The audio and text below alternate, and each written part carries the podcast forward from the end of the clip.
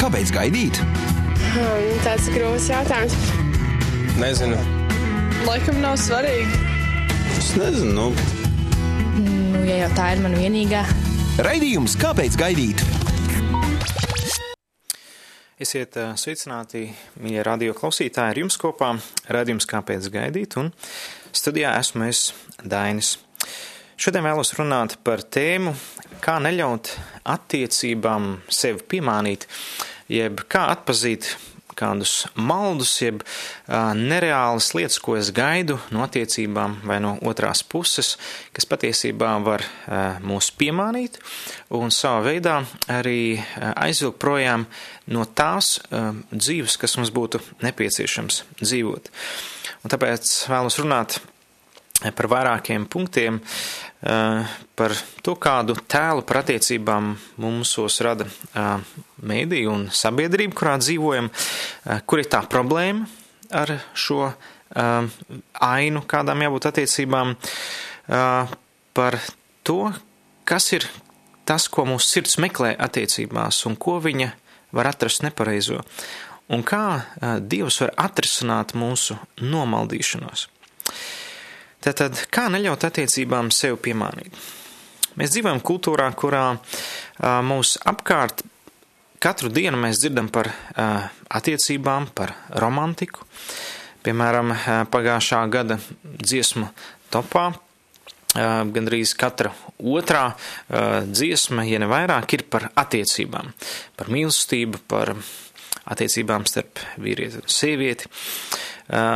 Praktiski visās uh, top filmās vienmēr ir kādi romantiskie brīži, vai nu kādam galvenajam varonim ar kādu būtni vai otrādi. Es domāju, protams, sievieti. Tāpat arī reklāmās katru dienu redzot kā reklamē pārtiks produkts vai saimniecības preces, ir kāds aspekts, kurā um, ir parādās attiecības. Vai arī sociālos tīklos viena no top tēmām vai internetu portālos ir attiecības, dažādi veidi, gan fizisks, gan emocionāls. Un neskatoties uz to, ka mēs dzīvojam kultūrā, kur ir pārpludināta ar informāciju, neizskatās, ka mūsu attiecības kvalitāte ir uzlabojusies.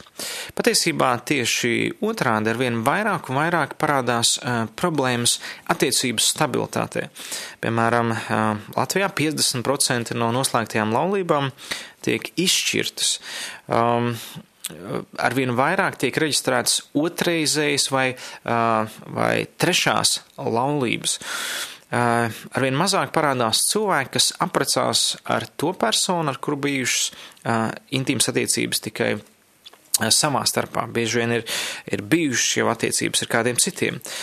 Um, Arī, arī vidējais vecums, kurā apprecās vīriešiem ir 30 gadi, sievietēm 28, kas ir apmēram nu, gandrīz divreiz vairāk nekā tas ir bijis vairākus gadsimtus iepriekš, kad tomēr nebija tik ilgi jā, jādzīvo šajā saspringzinājumā, šajā kārībā, bet laulības bija diezgan ātrāks, 11 gados. Bet, protams, tur ir cita saimnieciskā kultūra, tur ir cita veida domāšana, apstākļi, bija naturālā saimniecība un tā tālāk. Taču jautājums joprojām paliek, kā mūsdienās nepievilties attiecībās, kā neļaut attiecībām sevi sāpināt, un kas ir tā kļūda, ko mēs parasti izdarām, tad, kad mums sāk rasties attiecības. Tad tā no sākuma būtu jāierauga, kādu priekšstatu par attiecībām mēs sabiedrībā redzam. Tad, tad tiek kultivēts, ka attiecības, ka gandrīz kā vajadzība. Respektīvi, ka tā ir tāda dzīves sastāvdaļa, bez kuras tu nevari izdzīvot, bez kuras tu nevari iztikt. Līdz ar to gan jaunietim, gan arī cilvēkam, kas vēl nav attiecībās, uz viņu tiek izdarīts spiediens, kad ja viņš nav mm, romantiskās attiecībās, ar viņu kaut kas nav kārtībā. Līdz ar to tiek uzlikts tāds šablons, ka tas ir gandrīz kā mērķis. Tad attiecības nav pasniegtas kā mērķis, lai dibinātu ģimeni, bet kā tāds status, kurā tev vajadzētu dzīvot, kā tāds mērķis, uz kur tiekties. Tad, tad nevis ģimenes veidošana, bet attiecības pašas par sevi. Un, un līdz ar to tas tiek pasniegts kā mērķis, taču netiek dots līdzi pietiekami laba instrukcija, kā veidot veselīgas attiecības. Un, un tā instrukcija, kas nāk līdzi, ir vai nu vecāku pirmkārt dot, tātad redzams, kā vecāki dzīvo. Tā ir pirmā dabīgā instrukcija, ko bērnam būs tendence atkārtot, un otrais ir tas, ko viņš redz pie draugiem, kā draugi dzīvo, un trešais - sabiedrība. No filmām, no mēdījiem, no tas, kas redzams apkārt. Un ar to, ja vecāki neieliek šo pamatu, tad, tad pie draugiem parasti ir ļoti reti labi piemēri. Un sabiedrībā vispār ir, ir sagrozīts, jo šī sabiedrība, kurā mēs dzīvojam, ir balstīta uz, gan uz patērēšanas kultūru, tātad attiecības patērēt priekš sevis. Tātad man otrs ir vajadzīgs, lai piepildītu manas vēlmes. Tātad otrs ir kā prets un, un attiecības ir kā līdzeklis. Tātad man nav mīlestības, man vajag kādu, kas mīl, un tāpēc es eju meklēt. Līdz ar to tātad tiek attiecības skatīts kā instruments, ja pasniegts kā instruments, lai mani darītu laimīgu. Un tā realitāte ir tāda, ka bieži vien attiecības uh, nedara uh, laimīgu bez cenas. Tātad uh, laime tiek kaldināta smagā darbā. Teiksim, tāpat kā savā laikā daudz brauca laimi meklēt uz Ameriku, ja, rakt zeltu, zeltu, tad tur bija jāieliek diezgan daudz darba, un tad uh, tie dārgakmeņi atradās. Un līdz ar to, tā, kad mēs domājam, ka mēs varēsim dabūt labāko pa lētāku cenu, nu, tie ir maldi. Līdz ar to labas kvalitīvas attiecības, lai viņas, viņas ar laiku nest lielāku, lielāku laimi, ir tādas, kurās man ir jābūt gatavam maksāt ar savu egoismu, jābūt gatavam at, atmest savu egoismu. Un, un, un līdz ar to mēs dzīvojam tādā sabiedrībā, kurā mēs arvien mazāk klausamies citu cilvēku padomos, bet mēs balstamies pašu savu pieredzi. Tad pašu to, ko mēs esam piedzīvojuši. Un, un tāpēc līdz ar to mēs tā kā sakam, labi, es zinu pareizo atbildi, kad ir jāgaida līdz laulībām kristiešu vidē, pasaulē sako uzmanies lieto aizsargu aizsardzības līdzekļus, prezervatīvus, citur vēl kaut ko saka, citi saka, pamēģiniet pēc iespējas vairāk, lai ir pieredze. Un līdz ar to atkarībā, kas mūs ir māca, mēs paklausamies, bet īstenībā mūsos saka, Neļauj nevienam tevi atrunāt, tev ir pašam viss jāizmēģina, jāpieredz un tā tālāk. Līdz ar to mēs vairs balstamies ne uz padomu, ne uz gudrību, ne uz savu prātu, bet mēs balstamies patiesībā uz emocijām, to, ko mēs piedzīvojam. Un līdz ar to nereti. Um, tā problēma ir tāda, ka paļaušanās uz to, ko es esmu pieredzējis, varbūt ļoti, ļoti slidina. Tad, tad mēs izmēģinām kādu lietu, un tad mēs redzam, ka nav teiksim, tas, ko mēs gaidījām, un vai nu mēs šo lietu norakstam, vai cenšamies vēlreiz izmēģināt jau citā reizē un citu cilvēku, un, un tādā veidā mēs balstamies nevis to, kā, kā ir paredzēts eh, attiecības veidot, bet tā kā no mūsu personīgiem piedzīvumiem, kas var būt sāpīgi, nepilnīgi. Ja savā laikā, teiksim, laikā, kad bija rakstīta Bībele, bija grieķu domāšana, kur paļāvās uz gudrību. Tātad gudrība bija tā kā etalons. Tātad emocijas bija, bija kaut kas slikts, sajūtas bija kaut kas slikts, tās jānoliek, bet ir svarīgi gudrība, filozofija. Tagad mēs dzīvojam pa 180 grādiem pretējā domāšanas veidā. Mēs, eh, mēs sakam, ah, tev ir tāda gudrība, bet man ir tāda, tev ir tā, tev strādā tas, man, strādā, man strādās noteikti cits, un mēs paļaujamies to, ko mēs jūtam.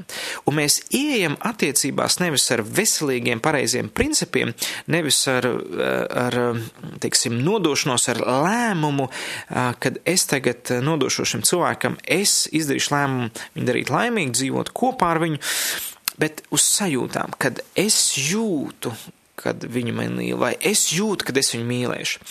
Un mēs pamatojamies to, ko mēs jūtam, un nevis to, kas ir pareizi. Nu, piemēram, puisis var just, ka viņš ir iemīlējies meitenē. Ja viņi pasmaidīja, viņi paskatījās, viņiem labi bija kopā, bija kāds varbūt fiziska tuvība, kāda lieta, un, un, un viņš domā, es esmu iemīlējies. Es esmu iemīlējies, tā ir man īstā.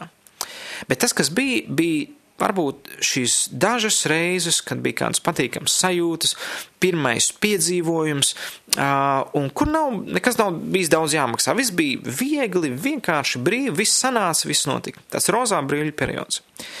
Tad mīlestība nebalstās uz sajūtām, jo uh, sajūtas mainīsies tad, kad mēs sākam ieraudzīt otrā cilvēka sliktās puses, ieraugam viņa egoismu, ieraugam, ka viņš nemaz netaisās mums piekāpties, ieraugam, ka mums tik daudz patiesībā ir jādara, lai lai mēs abi būtu laimīgi, jāuzņemās atbildība, darbs, uh, daudz dažādas lietas. Un ar to, ja attiecības mēs idealizējam un uzskatām, ka, ja mēs to sasniegsim, tas mūs darīs laimīgus, mēs ļoti ātri pievilsimies. Līdz ar to uz jūtām balstīta mīlestība, tā ir visseklākā, visstraujāk mainošākā, tāpat kā mūsu sajūtas. Un pat ja arī, un, jo tad, kad ir, tad viņš saka, viņš mīl, viņš grib būt kopā, bet ja viņš nav gatavs izdarīt izvēli un dot solījumu aprecēt, tas nozīmē, ka viņš šīs attiecības nav mīlestībā balstīts, viņš balstīts sajūtās. Mīlestība ir vienmēr izvēle, aizliegt sevi, lai dot otram, lai dot tas, kas ir nepieciešams, piepildīt otra vajadzības. Pat ja arī ir sajūtas, varbūt, kad es gribu viņu precēt, vienmēr ir, ir jāpārbauda, uz ko tās balstās.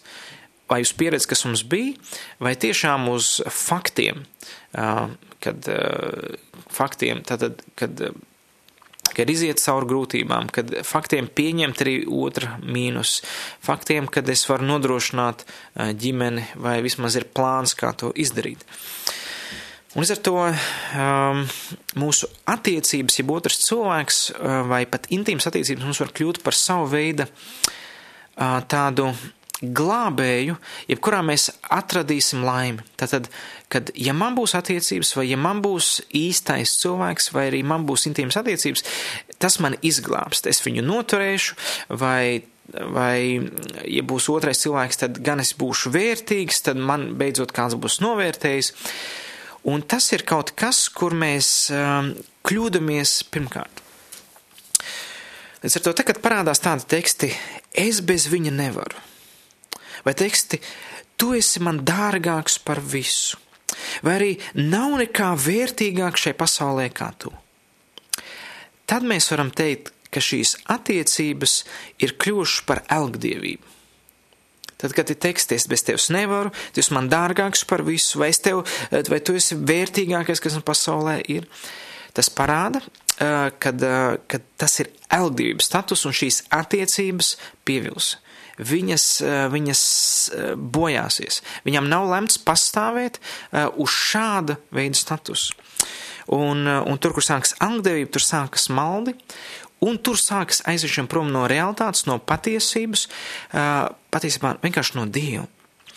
Un tu varētu būt teikt, eju, Man liekas, ka tas ir pa striktu, tas ir pa skaļu. Nu, nu kā tu vari tā teikt, ka tā ir elgdievība, ja es tiešām uzskatu, ka tas, ka tas ir pats labākais, kas manā dzīvē noticis? Jā, man pamatot, kāpēc es tā uzskatu? Tad, tad uh, ņemsim kādu piemēru. Es nezinu, vai tu esi ticīgs vai neticīgs cilvēks, bet, un pat ja tu esi ticīgs, tas nenozīmē, ka tev kaut kas cits nav svarīgāks par Dievu.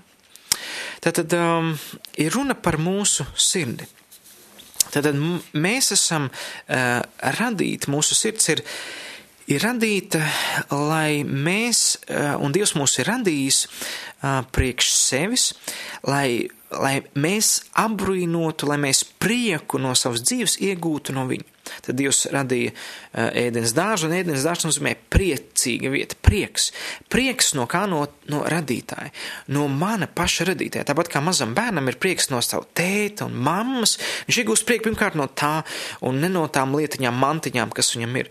Jo, ja bērniem, bērn, bērnamos ir pilns ar mantiņām, bet ja viņiem nav tēta un mammas, viņi nav laimīgi. Līdz ar to tā, tieši tāpat arī mēs, kā cilvēki, esam radīti ar sirdi, kura ir radīta pirmkārt prieku, piepildījumu, drošību, atrast attiecībās ar Dievu. Un tad, kad kaut kas cits mūsu sirds tronī ir ielikts augstāks par Dievu, mēs, mūsu sirds tam pieķerās, mūsu sirds to grib nosargāt, mūsu sirds grib to mīlēt, grib nodoties tam. Tas kļūst par svarīgāko no viss, kas mēs esam. Un tāpēc mēs varam pateikt, ka ja kaut kas man dod vairāk prieku, vai kuru es lieku lielāku cerību, ka tas man darīs laimīgu, vai kaut ko es vairāk apbrīnoju nekā pats savu radītāju, tas ir kļūst par elku. Nu, piemēram, savā laikā bija dzirdēju kādu mācītāju stāstu, ka bija kāda kristīga ģimene, kurā bija jauniete, 11 gados, ja nevaldos 15 gadi, kura bija ticīga, viņa kristiete, bet viņa tomēr bija nospiesta un depresīva. Viņa bija nospiesta un, un, un vecāki nezināja, kā viņai palīdzēt.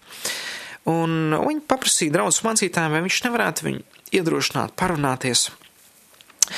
Un uh, viņi sāk runāties, un viņš, viņš prasa, nu, vai tu esi kristieti? Viņa saka, jā, es esmu kristieti, bet joprojām tāda drūma. Un viņš saka, nu mēs esam kristieši, mācītājs saka, un Dievs dažādos veidos mūs bagātīgi svētī, un varbūt mēģināsim saskaitīt kādas lietas, nu kā Dievs tomēr mūs svētī un, un iepriecina.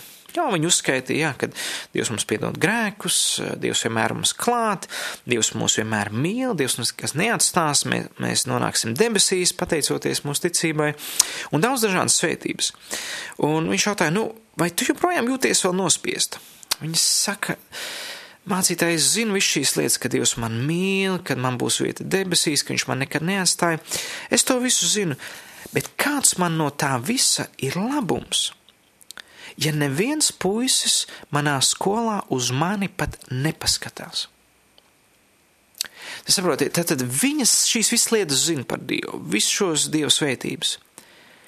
Bet viņas realitāte, viņas ticība ir tāda, ka patiesībā es nevaru būt laimīga, jo uz mani puiši neskatās.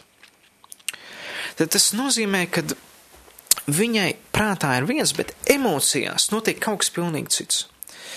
Un tas, un tas nozīmē, ka, ka viņa sagaida laimi no attiecībām, kas balstītas ar puišiem.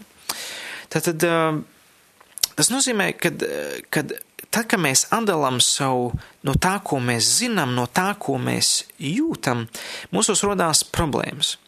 Uh, savā laikā tāds Jonatans Edvards, viņš teica, ka, ka ja mēs gribam kaut ko darīt no sirds, no sirds, mēs nedrīkstam atdalīt savu prātu no emocijām. Un tas, kas notiek mūsdienās, ir tas, ka attiecības tiek, at, prāts tiek atdalīts no emocijām. Vai problēmas runās tā, ka mūsu ticībā mēs prāta zināšanas atdalām no emocijām. Līdz ar to varētu teikt, šis, šis vīrs teikt par šādu meiteni, ka viņai ir viedoklis, tātad zināšanas, ka Dievs viņu mīl, tad viņai tāds nu, viedoklis, bet viņai nav patiesa piedzīvojuma par to, ka Dievs viņu mīl. Jo puišu mīlestība uz viņu ir daudz reālāka par mīlestību no Dieva. Līdz ar to tas nozīmē, ka viņa zina, bet viņa nejūt, viņa nav piedzīvojusi Dieva mīlestību. Līdz ar to nepietiek mums tikai zināt, mums vajag arī to piedzīvot. Un, un līdz ar to tāpēc ir mums varbūt divi veidi galējības, ka mēs tikai ar savu prātu kādu mīlam vai kādu abrīnojam, vai tikai savām sajūtām. Un ja mēs atdalām viņus viens no otra, mūsos rodas problēmas. tad, ja mēs attiecības sākam veidot balstoties tikai uz sajūtām, kad es gribu, lai man mīl, es gribu sajusties mīlēt, es gribu sajūtas, bet mēs neesam gatavi ar prātu pieņemt lēmumu, ka tas man kaut ko maksās, kad neatkarīgi kā es jutīšos, es turpināšu mīlēt, es turpināšu dot, šāda mīlestība mūs iznīcinās, šāda mīlestība mūs vienkārši mēs ātri pazaudēsimies, jo sajūts uzreiz būs jau pēc pirmajām dzīvošanas dienām kopā jau bieži vien būs ļoti slikts. Un, ja nebūs pieslēgts prāts, mēs vienkārši pazaudēsimies. Vai arī otrādi, ja mēs ejam tikai ar prātu, tikai ar prātu, kad o, gan jau es spēšu jā, mīlēt, gan jau es pacietīšu, es, es nejūtu, kad es viņu mīlu, bet es, es gan jau es spēšu, un mēs ar tādu matemātiku domājam, ka spēsim izrēķināt visu, un, un bet patiesībā mēs iekšpusē nemīlam. Nu, tādas aprēķina laulības, kad, nu, gan jau mums nauda pietiks, gan jau viss būs kārtībā, bet man nav nekādas sajūtas par šo cilvēku. Mēs ejam sausā tuksnesī, kur mēs domājam, ka bez dzīves varēsim iztikt. Un līdz ar to mēs, tāpēc ir pirmkārt svarīgi, ko Dievs saka par attiecībām, ko Viņš saka man, manam prātam ir jāpiekrīt manām sajūtām, manām sajūtām jāpiekrīt prātam. Un tas viss var balansēt tikai tad, kad uz troņa ir nevis šis cilvēks, nevis šīs attiecības pašas, bet Dieva grib. Kad Dievs es ieju šajās attiecībās, lai tevi paklausītu. Es ieju šajās patie, at, attiecībās, tāpēc, ka es zinu, ka tu man to aicini un tu man to ļauj piedzīvot. Un, eh, un respektīvi, ja mūsu tas, ko mēs zinām, nesaskan ar to, ko mēs darām, mēs sev maldinam. Kā Jēka vēstulē teikts, bet esiet vārda darītāji ne tikai klausītāji, paši sevi maldināt. Līdz ar to un solījums laulībā viņš nedrīkst balstīt tikai uz sajūtām, kas man ir šajā ceremonijā. Ka mēs labi jūtamies, mums būs jauns sākums, mums nopietni, nopietni eh, jāpārdomā, pirms mēs dodam solījumu. Jo šis solījums ir tas, uz, uz ko mēs balstīsim arī brīžus, kad mums sajūtas būs pilnīgi slikts. Tā kad otrs būs mūsu vairs tā nemīlēs, kad bērni neklausīs, ka mums būs problēmas darbā, mēs šis solījums, es devu solījumu Dievu priekšā, tas būs vienīgais, kas mūs noturēs.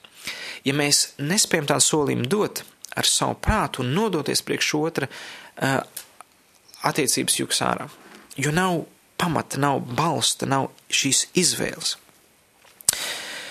Un, eh, un līdz ar to seksualitāte arī, kura ir atdalīta, uh, kur prāts ir atdalīts no emocijām, uh, mūs aplaupa.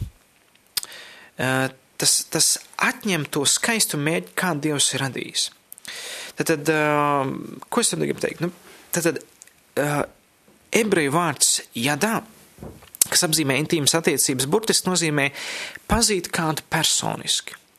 Un līdz ar to kāda saka, es nedomāšu, kas būs rīt, es mīlēšos šodien.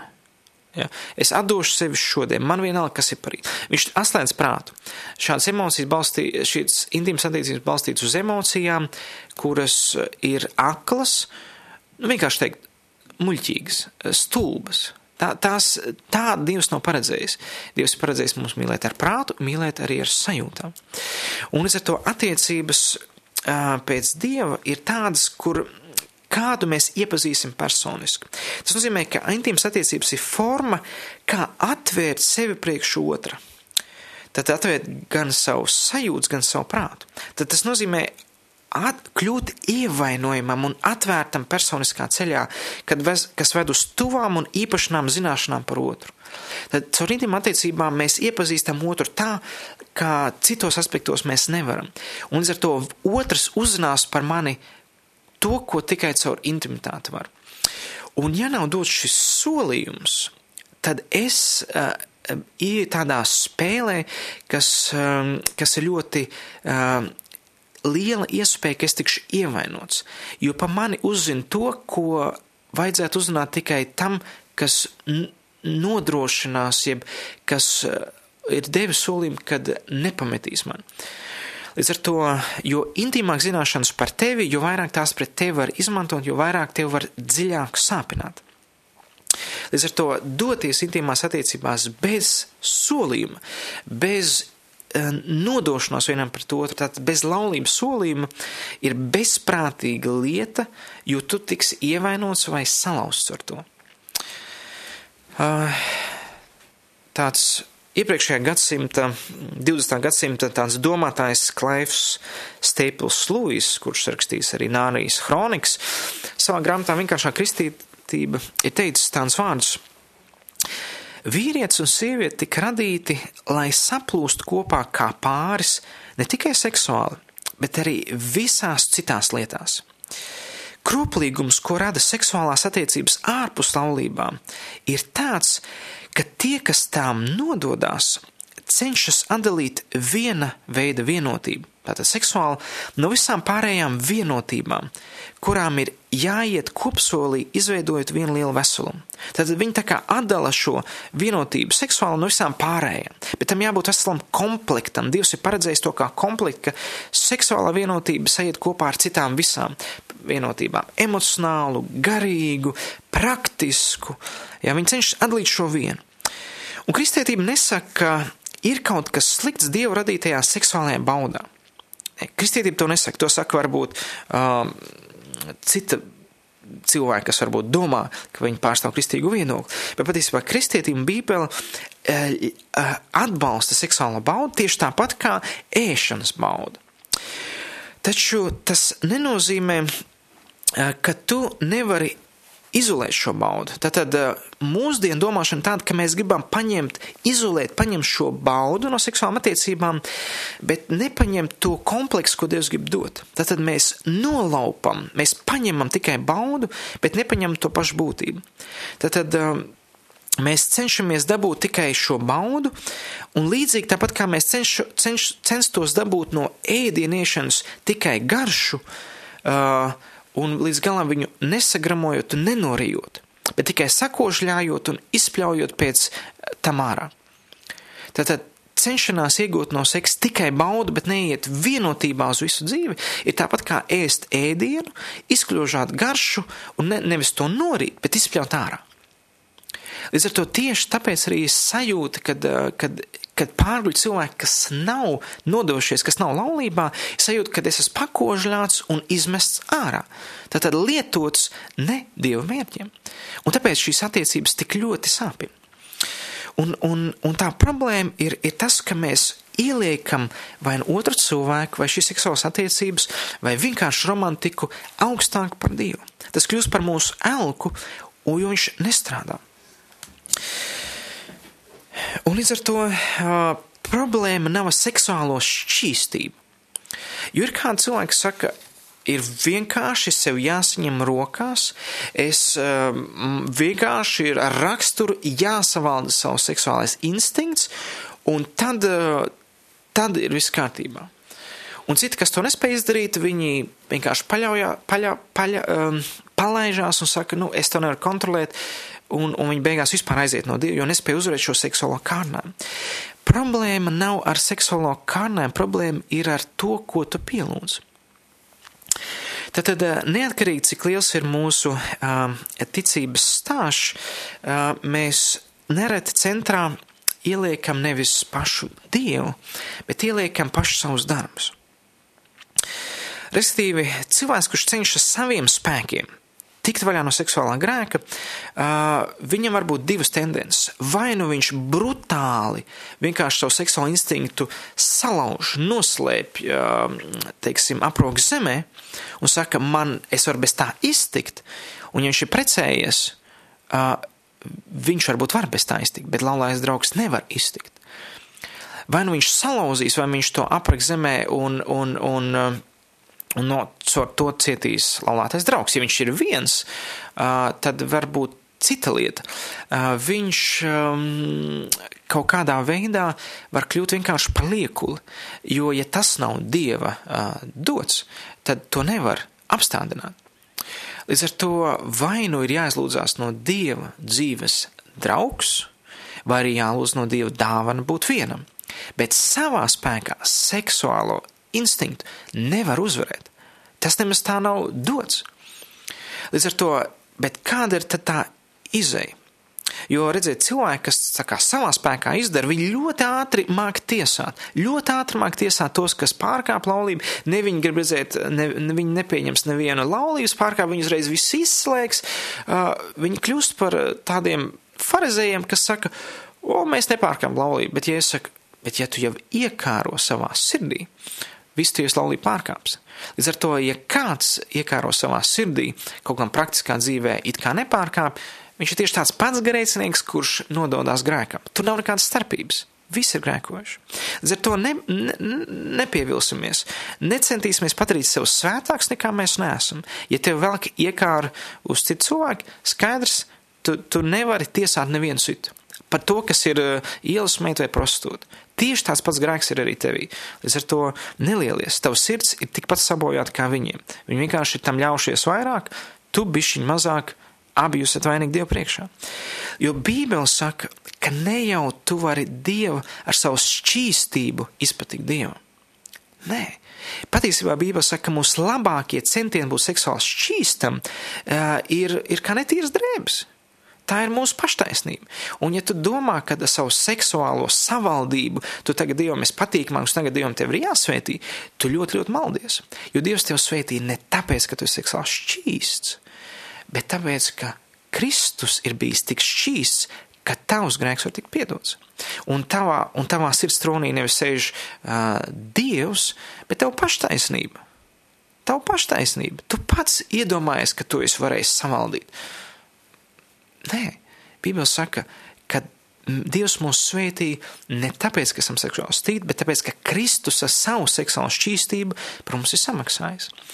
Līdz ar to, ar kādu motivāciju tu gribi seksuāli būt šīs, tas ir jautājums. Ja tu ej motivāciju, lai dabūtu kaut ko no Dieva, tev paštaisnības sirds. Bet, ja tu gribi būt seksuāli šķīsts, tāpēc, ka tu negribi pazaudēt Dievu tūmu, tu negribi šo grēku, tāpēc, ka tev Kristus ir dārgs un viņš ir tavā sirds tronī, tad tu dari pareizi. Tāpēc, ka tu negribi pazaudēt Kristu, tāpēc tu gribi seksuāli šķīst, tad ir pareiza motivācija būt seksuāli šķīstam. Bet nevis tāpēc, lai tagad es būtu pareizs vai tagad Dievs man svētītu. Nē. Taču varbūt tu esi cilvēks, kas ir, ir pilnībā ļāvies seksuāli grēkam. Tu neesi uzvarējis, tu esi vienkārši ļaujies uzdzīvēji, un zini, tavs sirds ir tukša tu to redzi, tev, tev apnīk tas. Bet tu esi pazaudējis ticību, ka Dievs man vispār vai Dievs man tādam grēciniekam var piedot. Tu, diemžēl, esi uzkāpis uz tieši tādu pašu grābekļu, kā tas cilvēks, par ko es tikko teicu. Tu domā, ka Dievs tevi mīl, tāpēc, ka tu vairs negrēkos. Nē, Bībele saka, un Pāvils saka, es jums atgādinu evaņģēliju. Kas ir evaņģēlijs? Ka neatkarīgi, cik daudz esi grēkojis, Dievs tevi mīl. Bet tāpēc, ka šis seksuālais grēks ir kā elks, un tu viņu tur svarīgāk par Kristu, tev šī mīlestība vienkārši nav pieejama. Tu viņus nobloķējies, tu, tu vienkārši ceri, ka šis grēks tev darīs laimīgu. Redzi, tev nav spēka uzvarēt šo kārdinājumu, bet tev ir dota izvēle, ko tu pielūgsi, ko tu apbrīnosi. Jo redzi, jā, Kristus ir nācis, lai un nomirs, nomirs tavā vietā, lai tev viss tiktu piedots. Kristus ir nācis, lai tev tu netiktu sodīts par seksuālo tavu nešķīstību. Kristus ir ja izcies šīs ciešanas, lai tu netiktu sodīts. Vai tas neparāda, ka Dievs tevi mīl, vai tas, neparāda, vai tas tev nepiepilda sirdi, ka tev ir kad vai tev tas neatbrīvo no apziņas, tad, tad kāpēc es vēl nododos šim grēkam? Kāpēc tu negribi nodoties tam, kas tiešām tev mīl? Kurš tiešām ir visu izdarījis, lai tu būtu brīvs no tā? Kāpēc tu negribi ielikt savu sirds tronī Dievu un pielūgt viņu un sajūsmināties par viņu? Ne par seksu, ne par attiecībām, proti, cilvēku, bet par viņu, kurš tevi radīs, kurš, kurš izdarīs visu, lai tu netiktu uh, pazudināts. Es ar to nebalstu savu ticību savos darbos, balsti ticību uz to darbu, ko Kristus par tevi ir izdarījis. Viņa šķīstums, viņa paklausība tevi izglābi. Bet ja tu, zinot to, vienkārši turpini dzīvot tāpat, tad zini, es tev gribu teikt, tu nepielūdz Dievu. Vienalga, tu sauc ticīgs vai neticīgs, tu pielūdz seksu, tu pielūdz grēku, tu pielūdz otru cilvēku. Un tu zini, ka elku kalps nevar nonākt debesīs. Tu izvēlies, ko tu pielūgsi. Tā ir tavs sirds. Un tāpēc šodien es tevi izaicinu. Neieliec sirdstronī tam, kam tur nav paredzēts. Neieliec netiklību, jeb maucību tronī. Tā tevi iznīcinās. Ieliec to, kurš par tevi ir atdevis dzīvību. Ieliec to, kurš tev mīl no sirds. Ieliec to, kurš izdarīs visu, lai tu netiktu sodīts. Viņš tev nekad neatstās, viņš tev nekad neatmetīs. Atmet šo grēku, ne tāpēc, ka uh, to saviem spēkiem to vari, bet sāc pielūgt un meklēt dievgrību, sāc apbrīnot viņu, sāc priecāties par viņu. Un tad tev nevajadzēs šīs liekās baudas, tad tās tev sakārtosies pareizā veidā, ar īsto cilvēku, laulībā, un tas tev darīs laimīgi, tas tev piepildīs, tas piepildīs otru, ja tā būs pakļauta Dieva tronim. Es aicinu, ka tu sākot šo dienu, var izdarīt izvēli. Dievs, piedod man, piedod man, kad es pielūdzu kādu cilvēku vai attiecības vai seksu vairāk nekā tevi. Es izvēlos šodien, kungs, no šīs dienas tur, turēt tevi par svarīgāko, par dārgāko. Es gribu tev sekot, un es tev pateicos, ka tu man piedod bez man, maniem nopelniem. Tu man piedod Kristus dēļ. Es tev pateicos, un es vēlos tev sekot. Es aicinu, ka tā ir tev izvēle šodien. Lai Dievs tev to palīdz, lai Dievs tev to svētī, un Viņš tev vadīs, un svētais gars tev piepildīs katru dienu, ja tu dzīvosi ar prieku, ko dod Dievs. Šis bija raidījums, kāpēc gaidīt līdz nākamajai reizei. Labvakar! Šis bija raidījums, kāpēc gaidīt. Klausies to katru otrdienu, pulksten 18,5 minūtēs Latvijas kristīgā radio ēterā vai arī jebkurā tevērtā laikā internetā www.īsta mīlestība gaida LV.